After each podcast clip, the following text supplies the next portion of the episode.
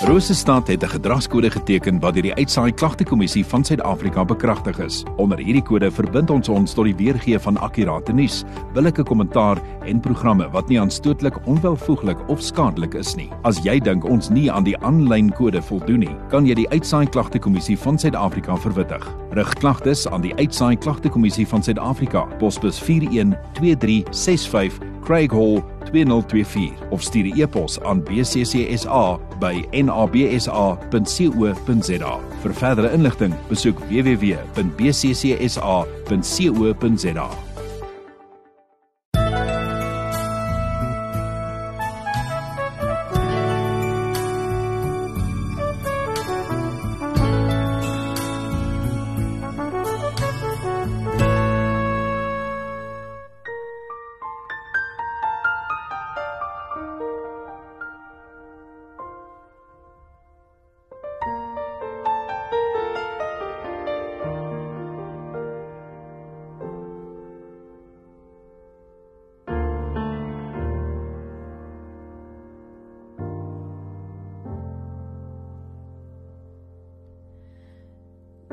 Doen slegs u wil hier U wil met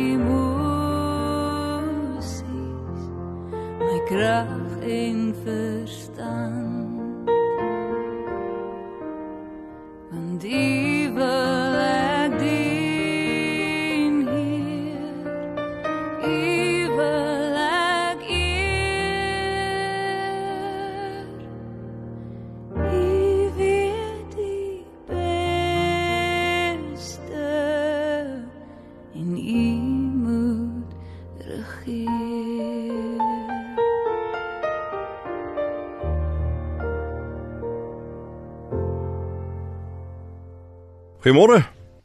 Welkom so rondom die Here se woord hier op hierdie eerste donderdag van die nuwe jaar. Wat 'n voorreg het ons om die Here te kan aanroep ook hierso waar ons nog so aan die begin van die nuwe jaar is. Ons uh, kyk so in die eerste helfte van hierdie week so terug op die ou jaar aan die hand van die Here se woord en dan so die tweede helfte van die week dan kyk ons na die nuwe jaar natuurlik ook aan die hand van die Here se woord. Ons gaan vanmôre lees Psalm 90. Maar voordat ons dit doen, kom ons bid saam. Here, ons sê vir U baie dankie vir hierdie wonderlike geleentheid om U woord te kan oopblaai, te kan luister na U stem. Baie dankie Heer dat U duisende jare gelede die persone wat hierdie gedeeltes geskryf het, deur die Gees geïnspireer het om dit te skryf. Ons kan glo dit is U woord. Jy het ook al geweet, Heer, dat ons vandag hierdie gedeelte sal lees en daarna sal luister en ons wil vra dat U deur U Gees dit ook vir ons sal lewendig maak en waar maak en ons entoesiasties daaroor sal maak in Jesus se naam. Amen. Ons lees Psalm 90 vers 1 tot 10 en ook vers 17. Dit is 'n uh, gebed van Moses, soos wat dit hier staan in vers 1, die man van God. Here, U was vir ons 'n toevlug van geslag tot geslag. Voordat die berge gebore is, voordat U die wêreld voortgebring het, ja, van ewigheid tot ewigheid is U God. U laat die mens sterwe. U sê net word weer stof. Duisend jaar is vir u soos gister as dit verby is, soos een enkele wagbeurt in die nag. U maak einde aan 'n mens, hy gaan die doodslap in. Hy is soos gras wat in die môre afgesny word, In die môre is dit nog groen, maar dit word afgesny en teen die aand is dit verlep en dit verdroog. Ons vergaan onder u toorn. Ons gaan te gronde onder u gramskap. U sien ons oortredinge raak. U bring die sondes wat ons wou wegsteek aan die lig. Onder u toorn vlieg ons dae en skiet ons jare verby soos 'n gedagte.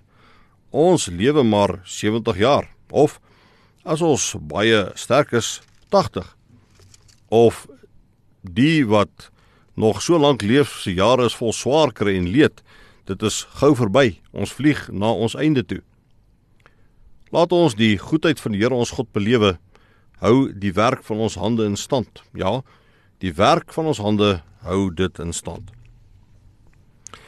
Ons kyk na hierdie gedeelte na aanleiding van die tema die ewige God ontmoet die nietige mens Nou hierdie Psalm wat ons gelees het is die oudste van al die psalms. Die meeste van die ander psalms het hulle ontstaan gehad in die tyd van Dawid en Salomo. Hierdie Psalm is egter deur Moses geskryf en is 'n paar honderd jaar ouer as die ander psalms. Moses skryf hierdie Psalm aan die einde van sy lewe. Hy staan op 'n punt waar hy terselfdertyd terugkyk maar ook vooruitkyk.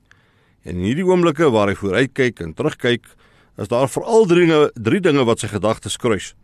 Ten eerste dink hy aan God, hoe almagtig en ewig God is. Maar dan dink hy ook aan die mens. Daar is min mense wat God so goed geken het as Moses. Maar daar is ook min mense wat die mens so goed geken het as Moses. En uiteindelik, nadat Moses aan God se almag en die mense nietigheid gedink het, bid hy om God se seën. In vers 1 en 2 sien ons hoe Moses eers aan God se almag en sy bewaring dink. As ons daar lees, Here, U was vir ons 'n toevlug van geslag tot geslag. Voordat die berge gebore is, voordat U die wêreld voortgebring het, ja, van ewigheid tot ewigheid is U God. Moses eer God hier omdat hy hulle as volk gelei en bewaar het.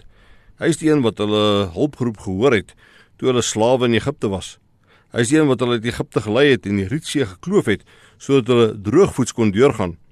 Hy het vir hulle manna en kwartels gegee toe hulle honger was en water uit 'n rots toe hulle toe hulle dors was. So kyk Moses terug na die pad waarop hulle gekom het en hoe God altyd getrou was en vir hulle gesorg het. Maar as hy terugkyk, dan sien hy ook in die tweede plek die nietigheid van die mens raak. In vers 9 en 10 skryf hy juis daaroor as ons daar lees: Onder u toorn vlieg ons dae en skiet ons jare verby soos 'n gedagte. Ons lewe maar 70 jaar of as ons baie sterk is 80 en die is vol swaar kry en leed. Dit is gou verby. Ons vlieg na ons einde toe. Moses sou in die woestyn terdee besef het hoe nietig die mens regtig is. Nie een van die wat uit Egipte getrek het, het die beloofde land bereik nie. Ons staan soos Moses op 'n punt waar ons ook vorentoe en agtertoe kyk. Ons kyk terug op 'n jaar waar dit soms met ons goed gegaan het, 'n jaar waar ons hoogtepunte bereik het en oorwinnings behaal het. 'n Jaar waar ons en ons kinders presteer het. Maar ons sien ook as ons so terugkyk na 2023 hoe dit soms maar sleg met ons gegaan het, hoe die lewe met sy rugkant na ons gestaan het, hoe ons bittere teleurstellings ervaar het. Ons dink terug aan die hartseer en die pyn wat ons moes deurstaan. Wanneer ons so terugkyk, sal ons ook maklik God se trou en sorg kan raak sien. Hoe hy ons gedra het en hoe hy vir ons man uit die hemel en water uit die rots gegee het. Soos vers 1 sê, hy was in die jaar 2023 ook vir ons 'n toevlug. Maar as jy's die ander saak waarna Moses teruggekyk het en dit waarop ons terugkyk wat ons huiwerig maak vir die nuwe jaar, naamlik die nietigheid van die mens, ons swakheid en broosheid sal ek die stampe en stote wat na my toe kom in die nuwe jaar kan verwerk. Die rowe van die afgelope jaar sit nog aan my lyf. Die letsels sit nog aan my siel. Ek sien nie kans vir nog nie. Wat het Moses gemaak toe hy so teruggekyk het die verlede in en vorentoe gekyk het na die toekoms? Hy bid. Hy bid om God se seën. In vers 17 bid hy: "Laat ons die goedheid van die Here ons God belewe." Hou die werk van ons hande in stand. Ja, die werk van ons hande hou dit in stand. Ons wat ook vanoggend op die balanspunt tussen die ou en die nuwe jaar staan, wat sal ons doen? Sal ons ons vertroue stel in ons bankrekenings of in die goeie werk wat ek het? Sal ek my vertroue in my vriende of in my verstandelike vermoëns plaas? Nee, laat ons bid om God se seën. Ek wil my in die nuwe jaar in geen ander hande bevind as in die deurboorde hande van die Here Jesus nie. Ek wil my aan geen ander vors toevertrou as aan die koning van die konings nie. Ek verwag my heil van niemand anders as van die drie enige God nie. Na aanleiding van vandag se boodskap kan ons terugkyk op die ou jaar en vooruitkyk na die nuwe jaar en net sê dankie, ekskuus en asseblief. Dankie Here dat U in die afgelope jaar weer getrou was. Dankie Heer dat U vir ons gesorg het. Dankie Heer want alles was net genade. Ekskuus Here dat ons U so dikwels teleurgestel het. Ekskuus Here dat ons U so dikwels verloon het. Ekskuus dat ons so baie mense seer gemaak het. Vergewe ons dit. En asseblief Here, wees met ons in die nuwe jaar. Asseblief Here seën ons weer in die nuwe jaar. Eksodus 33 vers 15 sê Moses vir die Here: As u nie self saamgaan nie, moet ons nie van hier af laat wegtrek nie. En dis ook wat ons vandag vir die Here kan sê. Ons is vir die nuwe jaar totaal van u afhanklik. Amen. Kom ons bid. Dankie Here dat u vir ons gedra het in die jaar wat verby is. Ons wil ook vandag in aanleiding van die skrifgedeelte vir u sê ekskuus vir ons foute en ons sondes dat ons u teleurgestel het. Ons sê ook asseblief Here, dra ons, seën ons weer in die jaar wat voorlê. In Jesus se naam. Amen. Totsiens. Geniet die dag. Ons praat weer môre verder.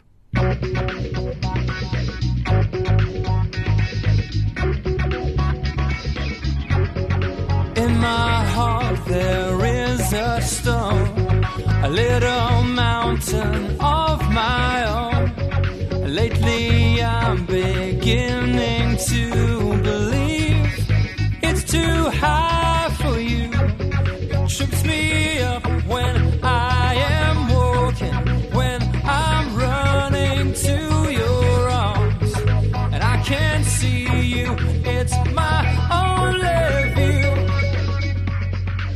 can't hide it easily. Sometimes it's all there is to see. This is no mountain of transfiguration. It's a stone of nothing's changing. But my climbing shoes have worn so smooth. I'm losing all my traction. Besides, it's just too cold